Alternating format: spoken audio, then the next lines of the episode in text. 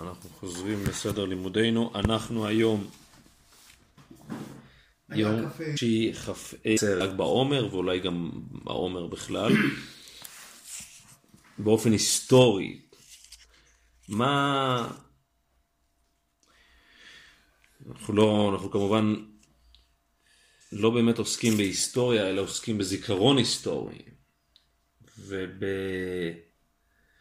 ובמסורות שהן בעצם הדהוד של הקשרים היסטוריים, רעיוניים, תיאולוגיים, שכולם מתכנסים ואל, אל איזושהי מסורת שנוהגת סביב ימים מסוימים.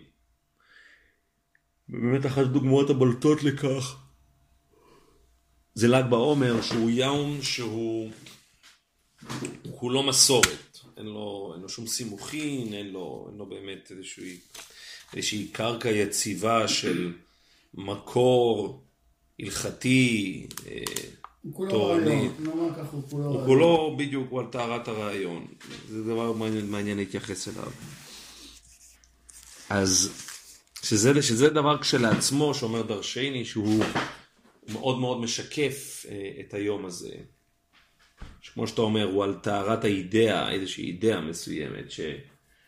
שנחגגת, מצוינת, יהיו כאלה שאפילו יאמרו מתנוצצת ביום הזה.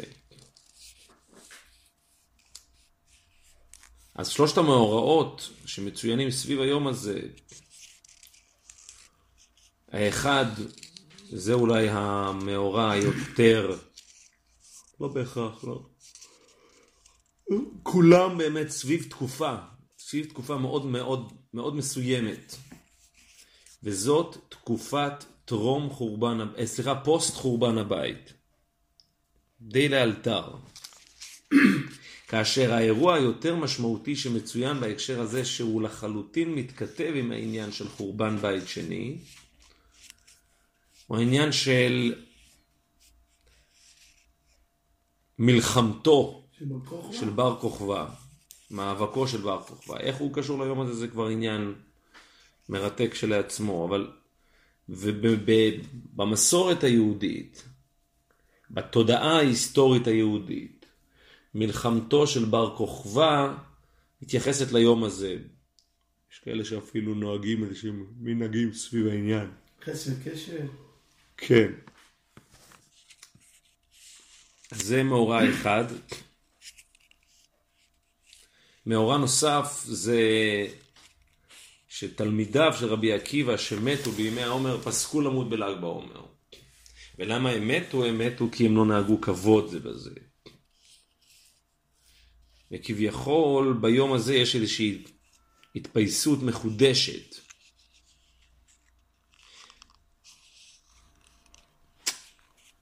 זה מאורע נוסף, המאורע השלישי הוא כמובן הדבר היותר פופולרי. מה כבר נשאר שהם פסקו?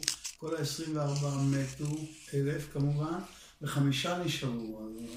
זה, זה, זה בא לומר שהחמישה ניצלו, אני מדבר ברצינות. וזה באמת, זאת, זאת, זאת, זאת, החמישה ניצלו. אתה, אתה אומר ברצינות, אני אומר, אני, אני דווקא אקח את הדברים ברצינות. הלשון כמדומני של המדרש זה והיה העולם שמם או משהו כזה, וחמישה תלמידים שהאירו את העולם מחדש. אז הם אלה שלא המשיכו למות. ואחד מהם, אחד מהם הוא כמובן רבי שמעון בר יוחאי. אז זה כן. כאילו הפשט 24 מתו מתוך 24 05.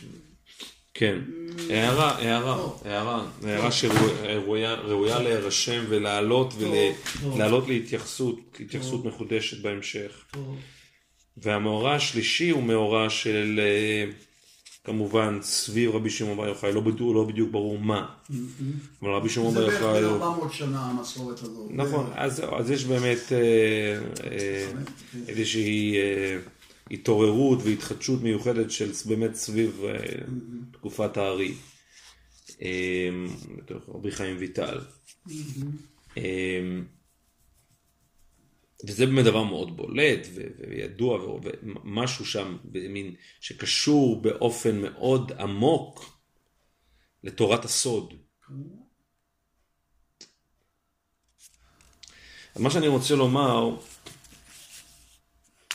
אני דווקא אתחיל להתייחס בהקשר של המאורע הראשון, שאני התייחסתי אליו לפני כש... בפעם, לא הפעם האחרונה, הפעם שלפניה.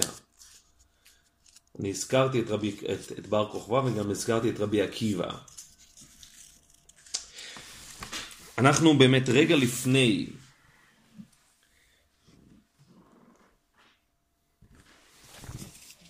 שאנחנו מתוודעים כל שנה מחדש למה שנקרא זכרו תורת משה עבדי אשר ציוויתי אותו בחורב.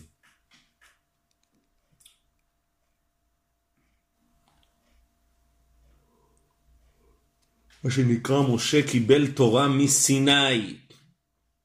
לא מהקודש ברוך הוא, אלא מסיני. משהו בסיני, משהו במאורע הזה שנקרא סיני.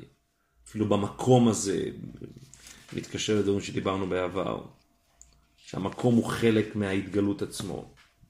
משה קיבל תורה מסיני. אז רגע לפני שאנחנו מתוודעים למשה קיבל תורה מסיני, או שאני אנסח את זה בצורה עוד יותר חריפה, רגע לפני שמשה רבנו בעצמו מתוודע אל התורה שהוא אמור לקבל מסיני, אז הוא מתוודע, הוא, הוא רואה בעיני רוחו בעיני הבדולח הנבואיים שלו, באספקלריה המהירה שלו. כך כמובן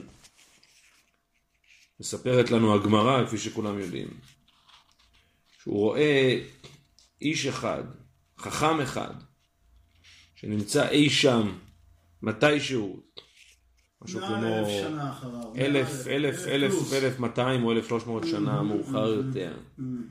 יושב ודורש תילי תילים של הלכות על כל קוצו, על כל קוץ וקוץ של יוד או משהו כזה, זה בערך הלשון. זה הלשון. בדיוק, כ"ט מנוחס. נכון. ואז אז הוא אומר לו, משה, יש לך אדם כזה ואתה נותן תורה על ידי. הוא אומר לו, שתוק, שכך עלתה במחשבה לפניי. Mm-hmm.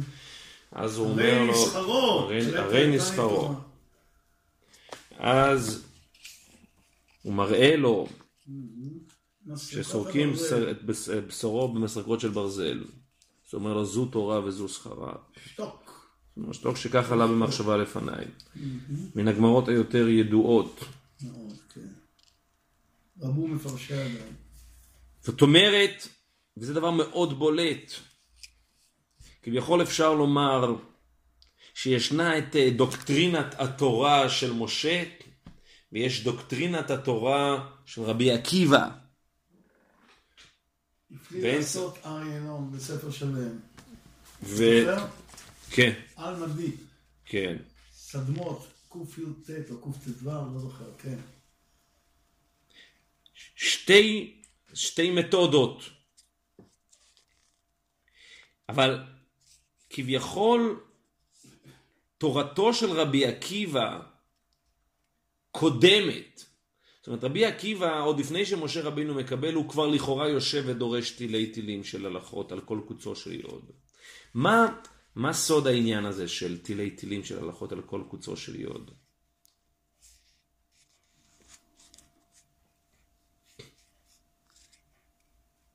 כן, מה- מה יש- מה. יש, מה יש, שהקדוש ברוך הוא כותב את התגים רק בגלל רבי עקיבא. נכון מאוד, כן, נכון, כן. זה מה שנקרא אותיות דרבי עקיבא. נראה שאתה יודע מה זה, ספר שנקרא. ספרון קטן כולו. כן, כולו- אותיות של רבי, אותיות, אותיות דרבי עקיבא. כמה- פעם- אני חושב שיש לי את זה בבית קטן שכן, נו. אם לא, אז היה. כן. מה יש בקוצו של יוד שדורשים עליו תילי תילים של הלכות? קוצו של יוד הוא, קוצו של יוד. הוא קוץ. אין בו כלום. הוא נקודה. הרעיון, הרעיון המתודולוגי, הבשורה המתודולוגית של תורתו של רבי עקיבא היא שבסופו של דבר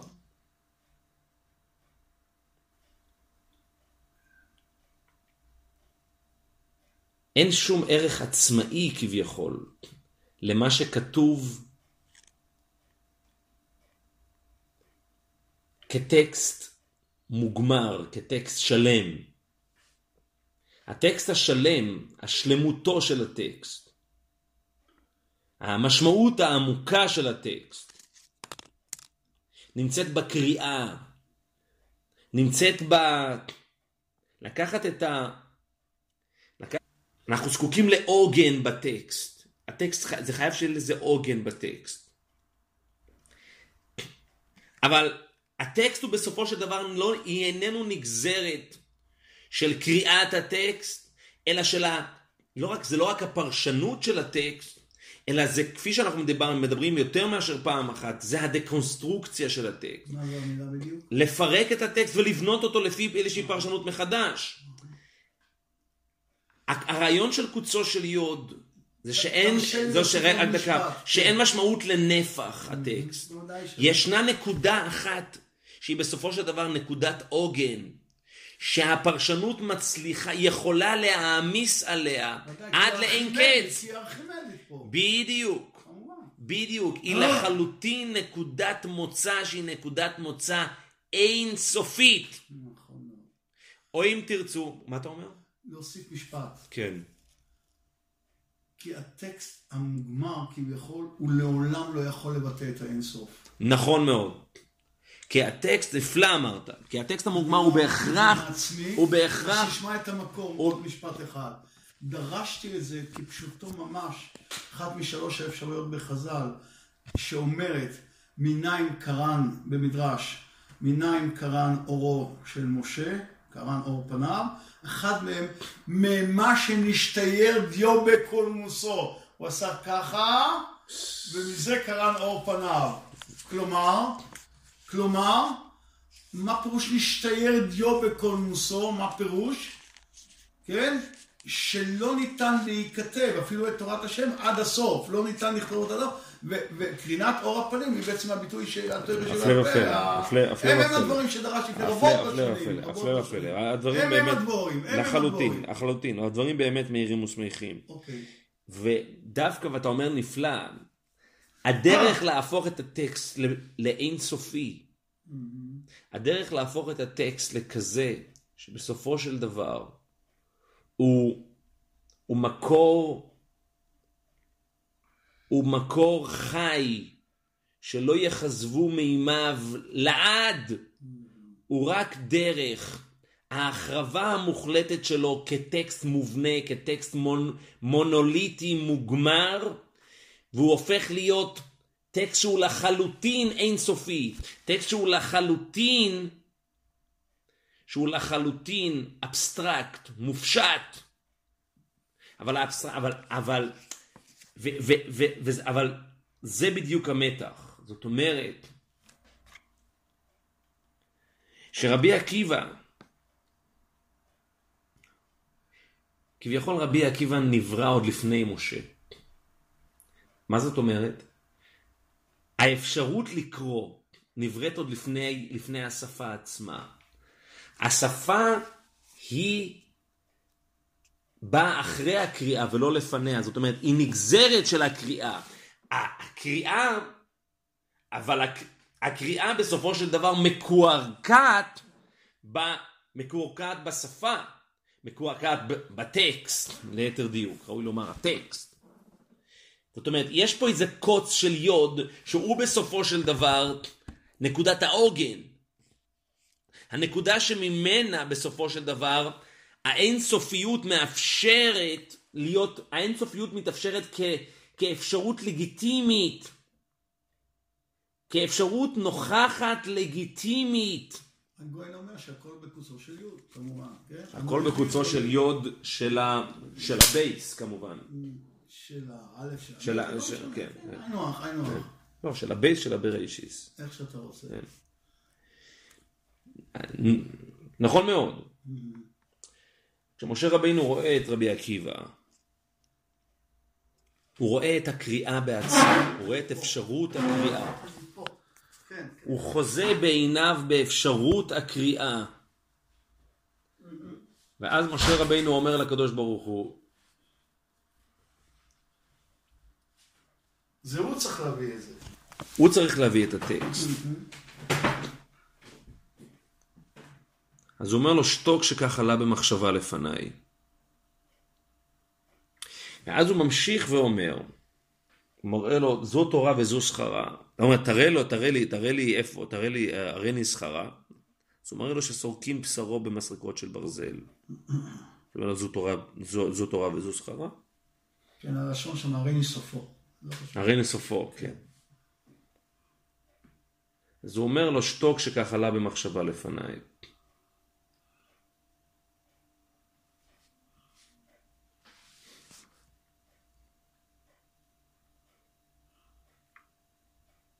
שתוק שכך עלה במחשבה לפניי.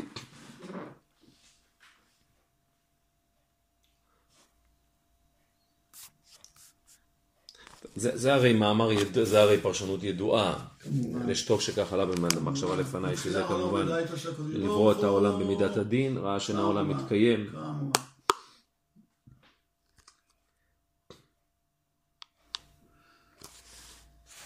הדין הוא לעולם קונקרטי, ממשי, מסוים, מוגדר, מעוגן. זה מה שנקרא מקבלים דין מדין. בעלמא הדין. הדין הוא ממשי. הדין לא מאפשר מה שנקרא ייקוב הדין את ההר. אין שום דבר שעומד בפני הדין. שום תמרון. אין שום אפשרות גמישות, אכן, בדין. הרחמים היא לעולם תנועה. הרחמים היא לעולם... אפשרות ההכלה של הרחמים היא בגלל שהיא מסתכלת קדימה, כן, מה שהמהר"ל אומר, שהמילה מחר היא נגזרת מרחמים. הוא אומר רחם. והמילה רחם, שהיא עניין של העתיד. הרחמים שם את הדברים באיזשהו הקשר הרבה יותר רחב ומכיל ממילא מאשר הכאן ועכשיו הקונקרטי, המסוים, המוגדר, הסופי. את הדרך אומרים חז"ל ובו מציע זו הדין. אשר ילכו בה, זה מידת הדין. נכון, נכון מאוד. אשר ילכו בה, זה לפנים משורת נכון, הדין. נכון, נכון. זה כל החיים זה רק לפנים נכון משורת מאוד. הדין. כמובן. וזה המתח שמתקיים בין מידת הדין למידת הרחמים. האפשרות, הקריאה, היא לעולם ברחמים. הטקסט הוא לעולם בדין. זה ראה וקרא וקדש. נכון מאוד. כשרבי עקיבא דורש, רבי עקיבא בעצם, זאת אומרת, הבשורה של ה... הבשורה הדקונסטרוקטיבית של הקריאה, של, ה... של האפשרות לקריאה, של המתודה של הקריאה, היא באמת האפשרות להפוך את, ה... את הדין, את, ה... את הדבר המוגמר, הקונקרטי, לקחת הסופי, את הקונקרטי והמזערי ביותר ולהפוך אותו ל... אינסופי. להפוך אותו ל- ל- לאין סופיות של מחשבה. אין סופיות אידאי. ושהכל כלול בקוצו של י' בכתר הזה. נכון מאוד. הוא בסוף אומר להם, הלוכה למוישה מסיני. נכון מאוד. כל השטיפל שלו. נכון מאוד. כמובן. נכון מאוד. נכון מאוד. הוספה חשובה. ואז משה אומר לו, תיתן, למה אתה נותן על ידי? מה שהוא אומר לו, שתוק שכך עלה במחשבה לפניי, דהיינו, ישנה נקודת דין, ישנה נקודת מוצא, שהיא נקודת מוצא בלתי נמנעת. ובסופו של דבר, הכל יוצא והכל חוזר לנקודת המוצא. מה שאומר שצריך מישהו מאוד מאוד מסוים, שיהיה מסור לחלוטין לאפשרות לה, להביא את התג הזה עלי אדמות. להביא את התג הזה אלא השליך משמיים ארץ.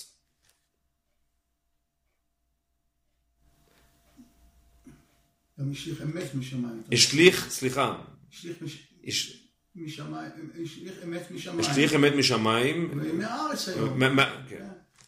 שתי הכוחות האלה. כמובן, כן. לא, שהם אמרו לו, אשר אתנה אותך על שניים השמיים. נגד שניים, כן, כן. כן, כן. ארץ, כן. כן. ו...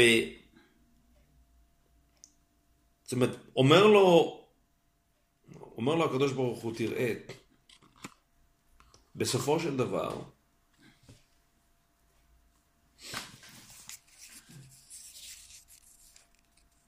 אין שום אפשרות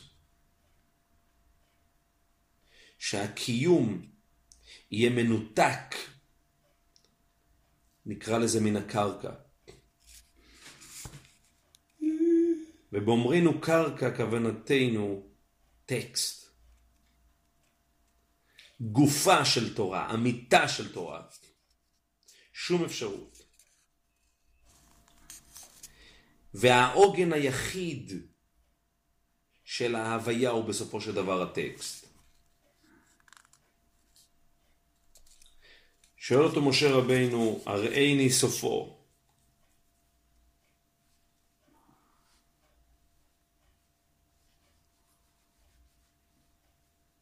אז הוא מראה לו שסורקים את בשרו במסרקות של ברזל. דהיינו ניתוק מוחלט שבין ה... האינסופיות, המימד האינסופי, ש... שהאדם הזה חי בו, לבין הסופיות הכל כך בלתי נתפסת, הכל כך האכזרית הזאת. הייתי קורא לו הנתק בין הבשר לבין הרוח. הבשר, שזה המימד הקונקרטי, הופך להיות מחולל בצורה הקשה, המחפירה ביותר בראש כל חוצות. ומה שאומר להם רבי עקיבא לתלמידיו, כל ימי הייתי מצטער מתי יבוא לידי ואקיימנה, שעת, שעת קריאת שמע הייתה. הם אומרים לו עד כאן. זאת אומרת, זה, זה, זה בדיוק לנקודה הזאת. הנקודה שבה ההתמסרות הופכת להיות התמסרות שהיא לגמרי בלתי אמצעית. היא לא תלוית להיות מסור אל האינסופיות הפרשנית. האינסופיות הפרשנית הכוונה האינסופיות של המחשבה, של האידאה, שכמו שאתה אומר רב דוביץ', האידאה הזאת, הקבלה, ההזדקקות אל האידאה הזאת, האימות של האידאה הזאת, הוא לא נגזרת בשום דבר קונקרטי, כי כמו שאתה אומר, אין שכר. אין תגמול. אין תגמול. לשמה בטהרתו. לשמה ליבוביץ'- בטהרתו. נכון. אני לא סתם אמרתי לשמה בטהרתו. זאת הטהרה של ההתמסרות. זאת טהרה. הצעקה של משה זו תורה וזו שכרה. היא הקונקרטית במיטבה. היא באה ואומרת, הנה, יש פה התורה לכאורה תובעת, בוודאי. תובעת את עלבונה. אין אמונה ואין עוול, אז איך זה יכול להיות כזה עוול? לכאורה. ההפך זאת אומרת. רבי עקיבא בעצם מצליח ומשה רבינו מקנא בו, כי משה רבינו, משה רבינו לעולם לא מבין את זה אגב. מעוגן בתוך התורה. הוא לא מבין, יושב שורה שמינית נכון, ולא מבין, ולא מבין. נכון מאוד. נכון מאוד. האופן שבו האדם מצליח לנתק, להיות לחלוטין מצורף, מסונף. במימד הפרשני האינסופי הזה. זאת לגמרי המחשבה בטהרתה. ובאמת עד כמה שהוא מצליח להגיע לנקודה שבה אין לו שום תלות בקונקרטי. להפך, הקונקרטי לחלוטין זורק אותו החוצה.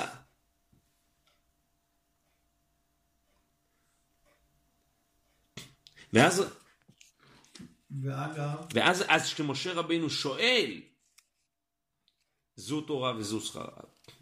אז התירוץ הוא שתוק שכך עלה במחשבה לפניי. דהיינו, דהיינו, דהיינו שתוק שכך עלה במחשבה לפניי.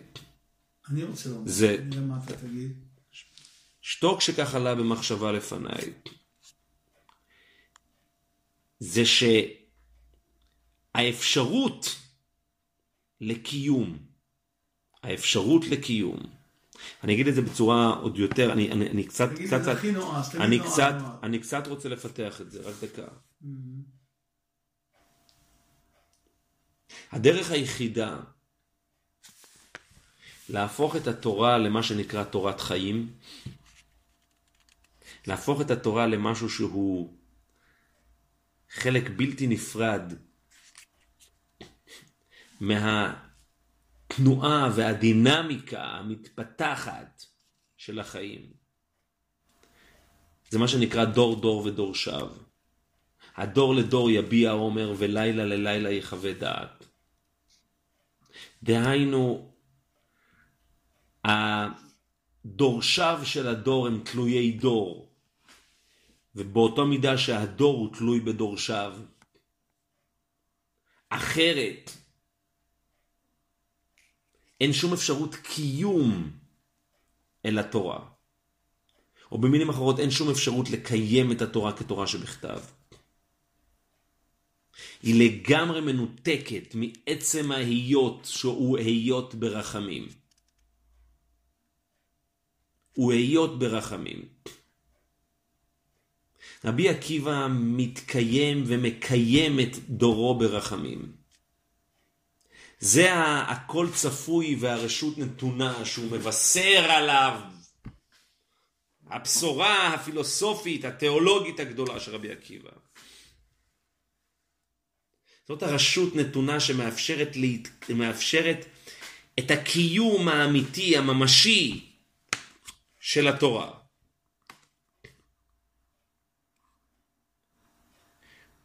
כש-24 אלף תלמידיו של רבי עקיבא מתים, העולם בסכנה. כי הדור דור ודורשיו נמצא בסכנת הכחדה אמיתית. הלכו דורשיו, הלך הדור. הלך... אבל, אבל כאמור, גם, גם הדורשיו הם תלויי דור. הם, הם, הם חייבים להיות קשובים אל, ה, אל ההיות של הדור של הכאן ועכשיו. רבי עקיבא מתקיים ברחמים. הוא כל הזמן אוחז ב... בליבה העמוקה של החיים.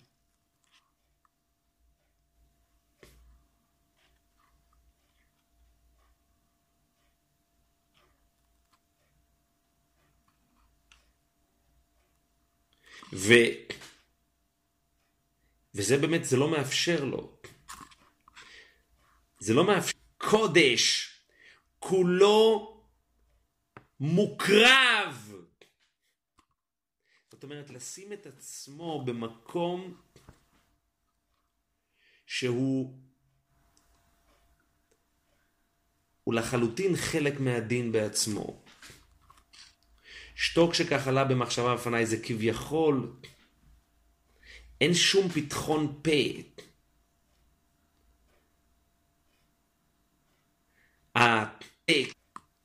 היא שאלה של אפשרות היות. פעם אחת יש לרבי עקיבא את האפשרות שלא להיות. פעם אחת יש לרבי עקיבא את האפשרות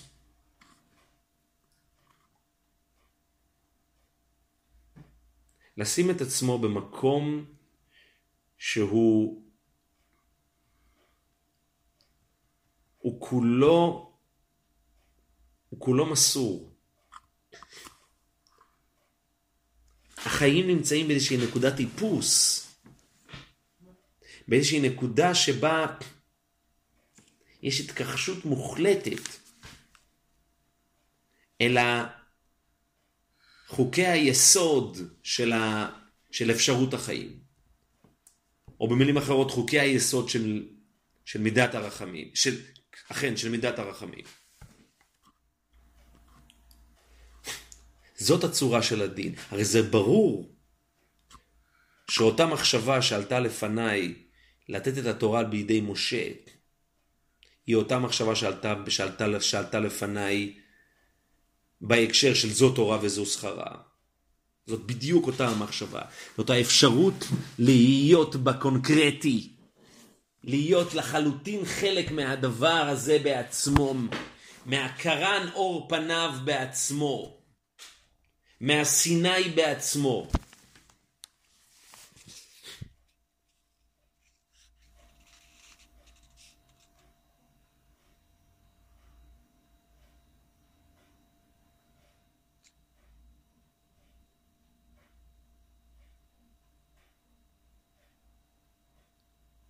יש את כל אותם, את כל אותם מצוות, מצוות לא תעשה כמובן, שעליהם התורה אומרת וחי בהם ולא שימות בהם. דהיינו, תכלית התורה היא בסופו של דבר להעניק את החיים, את האפשרות של ההיות, וחי בהם. האדם לא משרת את התורה, התורה משרתת את האדם. האדם נמצא במרכז, זו תורתו של רבי עקיבא. התורה היא כולה מוקדשת לאדם. אם האדם נמצא בסכנה, התורה לוקחת צעד אחורנית. אין לה, אין לה, אין לה שום מקום. זה לא רק היא לוקחת צעד אחורנית, היא מצווה להפר אותה. זה גוף הציווי. זה יש ציווי לחלל אותה, להפר אותה. ובעומק הכי גדול לקיים אותה. כך היא מתקיימת. כך, היא, כך מתממש מה שנקרא ביטולה זוהי קיומה. להוציא את אותם שלוש דברים. אותם שלושת המצוות, עבודה זרה, גילוי עריות ושפיכות דמים. אלו הם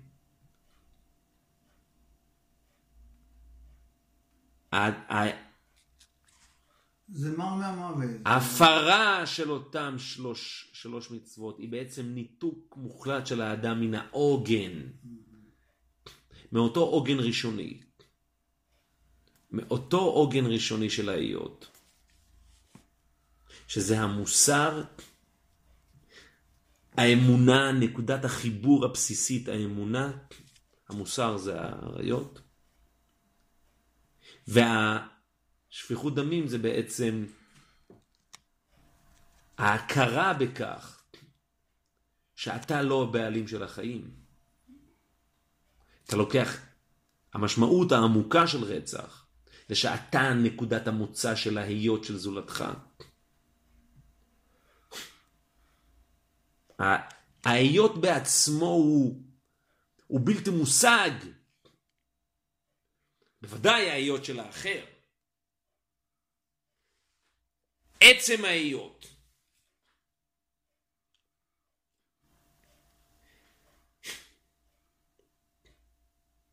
כלפי מה דברים אמורים, אנחנו אמרנו, חזרנו, מדברים על, על רבי עקיבא. אם אני חוזר לרגע אל, ה...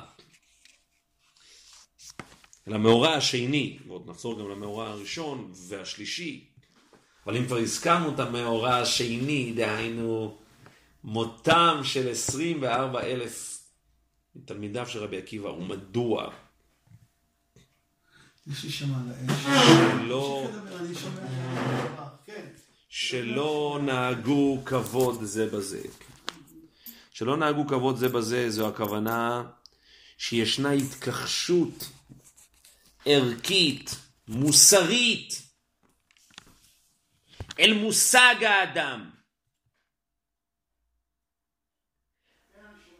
ההבנה שהאדם קדם לתורה. שרבי עקיבא קדם למשה.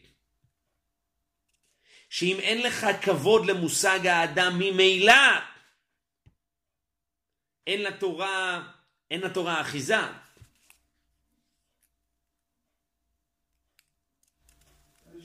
האפשרות של להיות היא רק עד כמה שהאדם נוכח.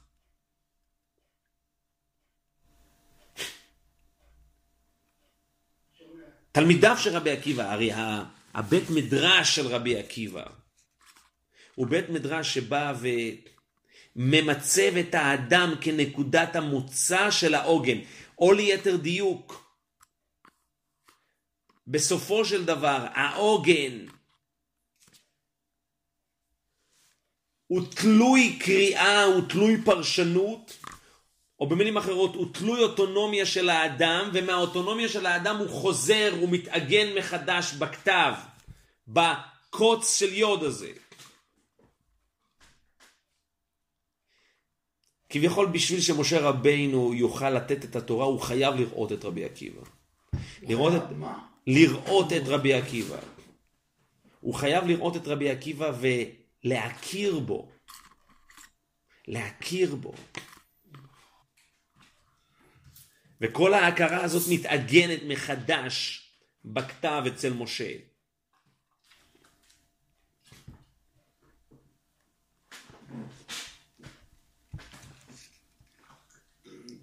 היעדר ההכרה, היעדר ההכרה באחר הוא בהכרח היעדר ההכרה באוטונומיה המוחלט. של הקדוש ברוך הוא. באוטונומיה המוחלטת של האדם.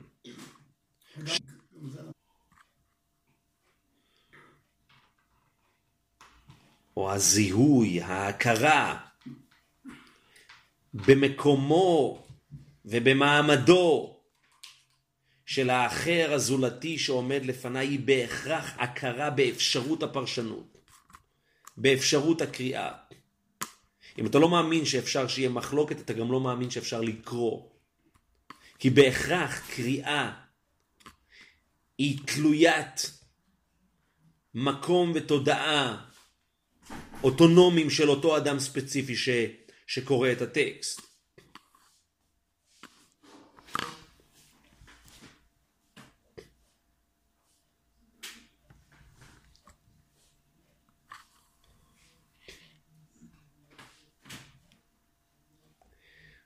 אותם ימים של ספירת העומר הם ימים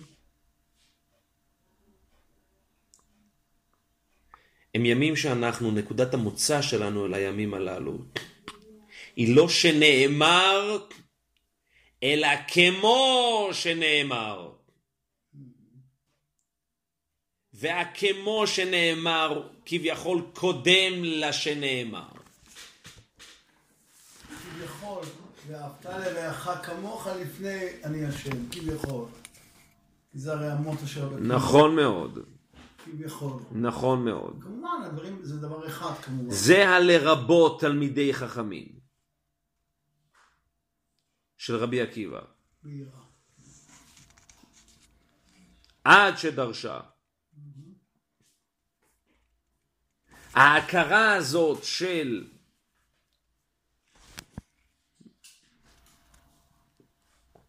שלי שלך ושלך שלך של, שלי, שלך. ומה? ושלך שלך מידה נורמלית. זאת המידה האולטימטיבית לדעתו של רבי עקיבא.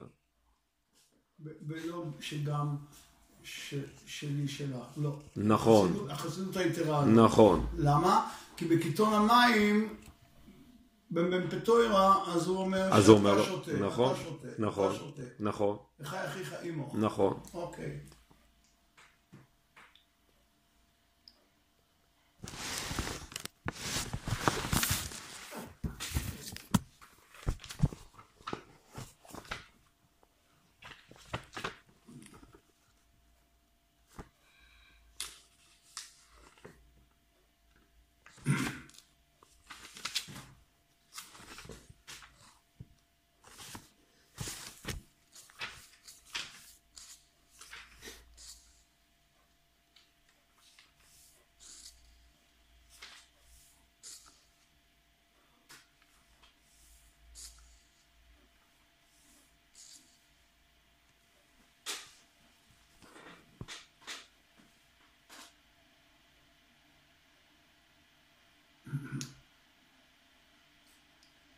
רבי עקיבא אומר, שחוק וקלות ראש מרגילים את האדם לערווה, מסורת סייג לתורה, מעשרות סייג לעושר, טוב, זה צריך לדבר בפני עצמו. הוא היה אומר, חביב אדם שנברא בצלם, חיבה יתרה נודעת לו, שנברא בצלם, שנאמר כי בצלם אלוהים עשה את האדם. חביבים ישראל שנקראים, שנקראו בנים למקום, חיבה יתרה נודעת להם, שנקראו בנים למקום, שנאמר בנים אתם להשם אלוהיכם. חביבין ישראל שניתן להם כלי חמדה, חיבה יתרה נודעת להם שניתן להם כלי חמדה. שנאמר כי לקח טוב נתתי לכם תורתי אל תעזובו.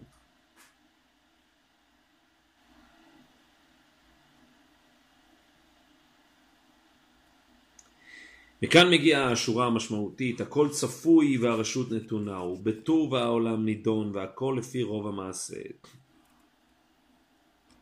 אז אני אחזור רגע למה שקראתי מקודם. אבל בטוב העולם נידון זה מידת הרחמים, והכל לפי רוב המעשה. רוב המעשה.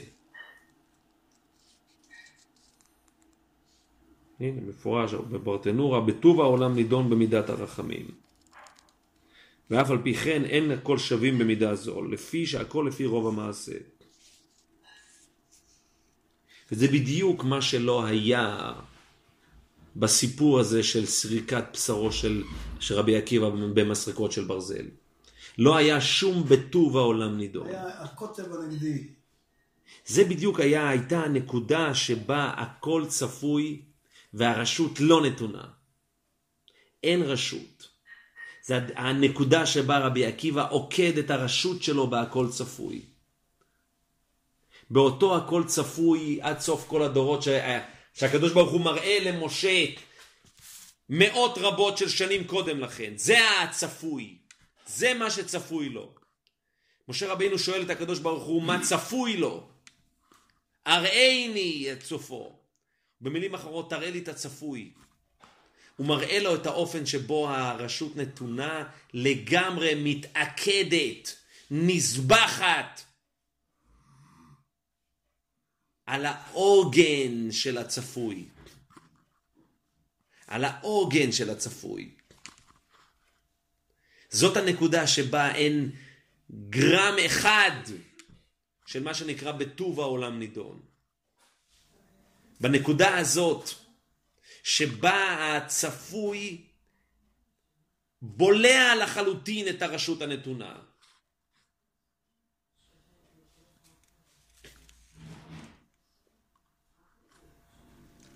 רבי עקיבא הוא זה שמייצג את מה שנקרא חיבה נודעת. הבצלם אלוהים ברא את האדם.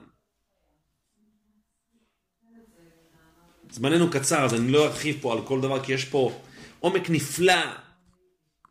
צריך ללמוד כי ה, ה, ה, המשניות פה בשם רבי עקיבא הם, הם באמת ה, התמצית המזוקקת של מי הוא האיש ומה הוא האיש ומה הוא מייצג. הוא היה אומר, הוא היה אומר, המוטו כן, שלו, כן. כמובן.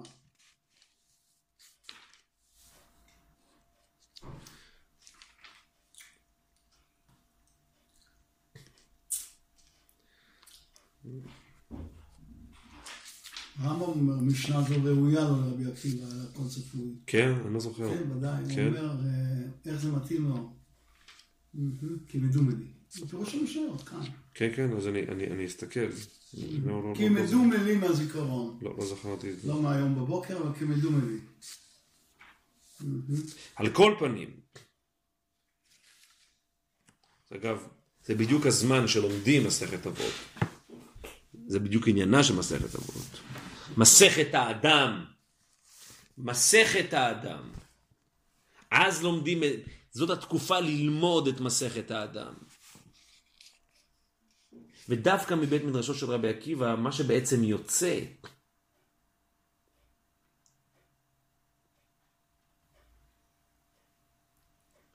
מה, מה, מה בעצם המשמעות שלא לנהוג כבוד זה בזה? מתי האדם לא נוהג כבוד בזולתו? האדם לא נוהג כבוד בזולתו כשהוא תפוס ומבוצר באני, באפסיר. בתוך, ה, בתוך האני האנוכי שלו. מה, מה בעצם להיות המשמעות של להיות תפוס באני האנוכי שלך? להיות תפוס באני האנוכי שלך זה בהכרח המשמעות להפוך את הסובייקט הטהור שלך לאובייקט. המשמעות היא בעצם סליחה. שאתה הופך. אתה הופך את התורה.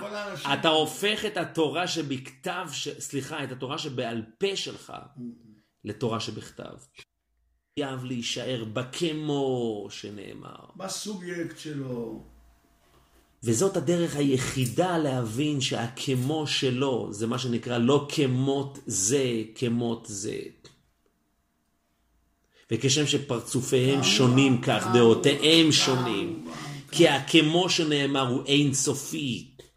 וזה שבחו של הקדוש ברוך הוא שמה, בדייקה. נכון מאוד, נכון מאוד, ברוך חכם ארזים על שישים ריבוי. נכון מאוד. הדרך היחידה זה כנגד ארבעה בנים דיברה תורה. זה הכמו שנאמר. זה הכמו שנאמר.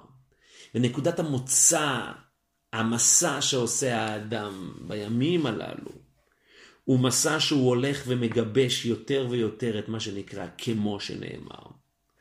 וזה דבר מופלא עד מאוד. כי הדרך להגיע, הדרך להגיע אל הקרקע, אל, אל הביקורים, הדרך להגיע לתורת משה, הדרך להגיע אל הטקסט, הדרך להגיע אל השנאמר, ואין דבר יותר קונקרטי, ממשי, של מידת הדין, מאשר המעמד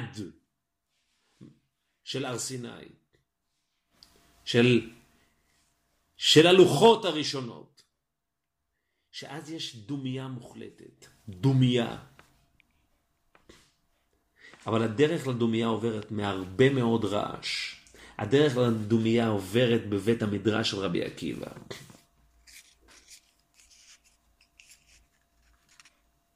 הטעות של רבי עקיבא ביחס למלחמתו של בר כוכבא, ודיברנו על כך, היא שרבי עקיבא הפך את המופע הזה, את הפנומן הזה, שנקרא בר כוכבא, למופע של גילוי, גילוי שלם, גאולה. מופע שהוא, מופע שהוא מבשר את החזרה המלאה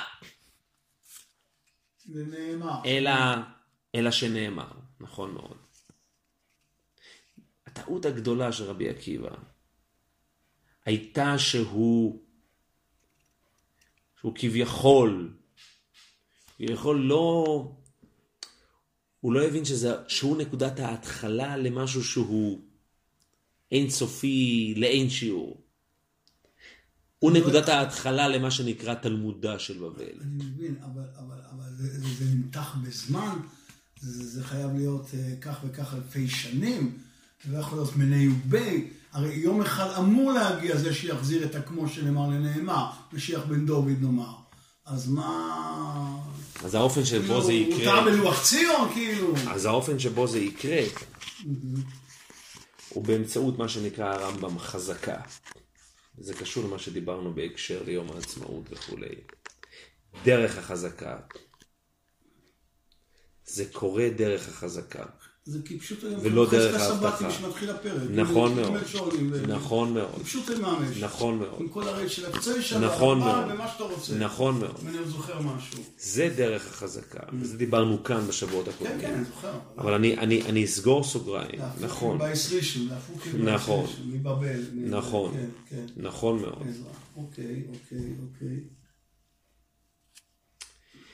ואם אני חוזר לרגע אל השממה הזאת, שהיה עולם שמם במשך, לאחר מות 24 תלמידיו, ההתכנסות מחדש. עם החמישה שנשארו. עם החמישה שנשארו.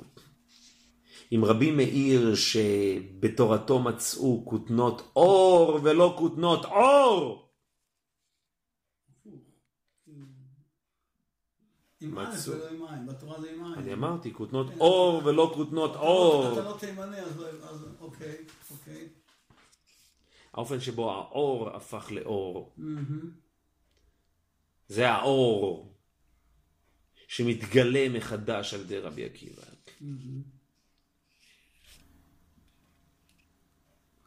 יש שיטה שהוא אלעזר או נוראי, או... אחד ה... אחד ה... אולי לא אחד. המאפיין הבולט ביותר של מה שנקרא סוד הוא האופן שבו האפשרות, הפריבילגיה, הייתי אומר, שיש לבעל הסוד להתכנס בסודו. אין לסוד שום מציאות מחוץ למוחו של בעל הסוד. הסוד לעולם לא יכול להפך להיות שנאמר. הסוד לעולם הוא כמו שנאמר. לכן זה מה שנקרא אין מגלים אותו אלא למבין מדעתו. מבין מדעתו הכוונה הוא לעולם חייב להבין את הכמו. מדעתו בחלק הסובייקט ביותר. לחלוטין. אין מגלים אותם אלא לצנועים. דהיינו מישהו לחלוטין ספון, מוכמן, בסובייקט טרנסדנטי. במערה טרנסדנטית של סוד, שמתכחשת לגמרי לכל דבר קונקרטי, שורפת את הקונקרטי. באתם להחריב עולמי באתם.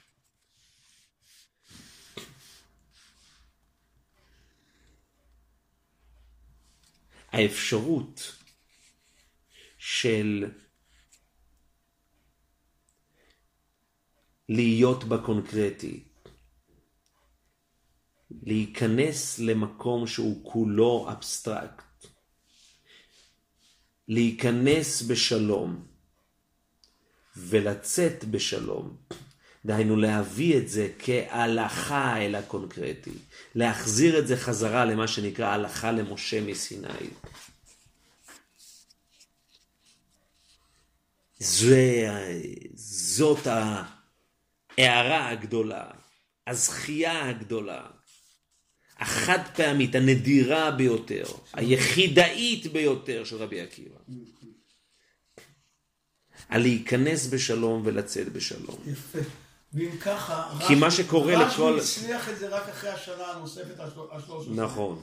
רק אז הוא הצליח, ורבי אלעזר גם אז לא. ברבי אלעזר יש אלף דרשות על הזוכר ושומו בהתאם נכון. לפסומים. אבל לקחת שניים, מה זה, מה השיגעון הזה, כן? האפשרות, האפשרות. תורת הסוד, שהיא תורה שהיא כולה עין, עין מוחלט. היא בלתי נראית. היא לגמרי לגמרי מעוגנת, הייתי אומר, בעולם סובייקטיבי אסוציאטיבי של הסובייקט, שהוא עולם, יהיו כאלה שיאמרו, מופרע לחלוטין, תיאורטי לחלוטין. אינסופי. לשון הגימור באופן הזלי וגם. נכון מאוד. זה מה שנקרא כל חד. אתה שואל מישהו, מה השעה? אז אם אין לו שעון, הוא לא יגיד לך, אני משער השעה חמש. הוא יגיד לך, אם הוא, אם הוא באמת לא יודע, אבל יש לו איזושהי הערכה סובייקטיבית, אז הוא יגיד, אני משער. זה מה שנקרא לשער. זה משתנה, זה מה שנקרא, נתת דבריך לשיעורים. זה נתת דבריך לשיעורים. זה כל חד וחד לפומאי דמשער בליבי. ורב שמעון בר יוחאי הוא המשער הגדול. הוא הדור אשתי מדקרו. הוא הלפני הקרב. לפני מה? לפני הקרב. לא עקיבא. דקרב. כן, כן. רבי עקיבא הוא התימא דקרב, זה הבית מדרש של רבי שמעון ורבי עקיבא. משה רבינו הוא הקרב. זה התימא דקרב. ליל הסדר שייך לתימא דקרא. מצה זו, פסח זה שאנו אוכלים על שומה. אנחנו לא עונים. אנחנו לא עונים את התשובה שאנחנו עונים על תקיעת שופר, למה תוקים רחמנה אמר תיקו. פסח זה שאנו אוכלים על שומה, רחמנה אמר איכלו. מצה זו שאנו אוכלים על שמה, רחמנה אמר איכלו. מרור זה שאנו אוכלים על שומה, רחמנה אמר איכלו. לא, על שום שלא הספיק בצקם, וכולי וכולי. פסח זה. פסח זה כולו תימא דקרא. דיברנו על כך באריכות באחד משנים עברו. פסח, פסח זה כולו פסח. פסח זה כולו כמו שנאמר. אבל כל המסע הזה, וזה מסע מאוד מאוד אתגרי ולא פשוט. ו-24 תלמידי רבי עקיבא כושלים בו, כי הם הפכו את הכמו שנאמר לשנאמר. לקחת את הכל הכמו שנאמר הטהור הזה, ולהביא אותו, את כל הסוד הזה, להביא בסופו של דבר אל הפשט הפשוט. להביא את כל זה, להכל מודים דבעינא דבעצרת נעימא דבעינא נמי לכם. אבל על כך בעזרת השם, בשבוע הבא. הם עשו 24 אלף לחמים. זה התרא. הוא אמר, 24,000 זה התרא. לחמים. 24 אלף ספרי תרא.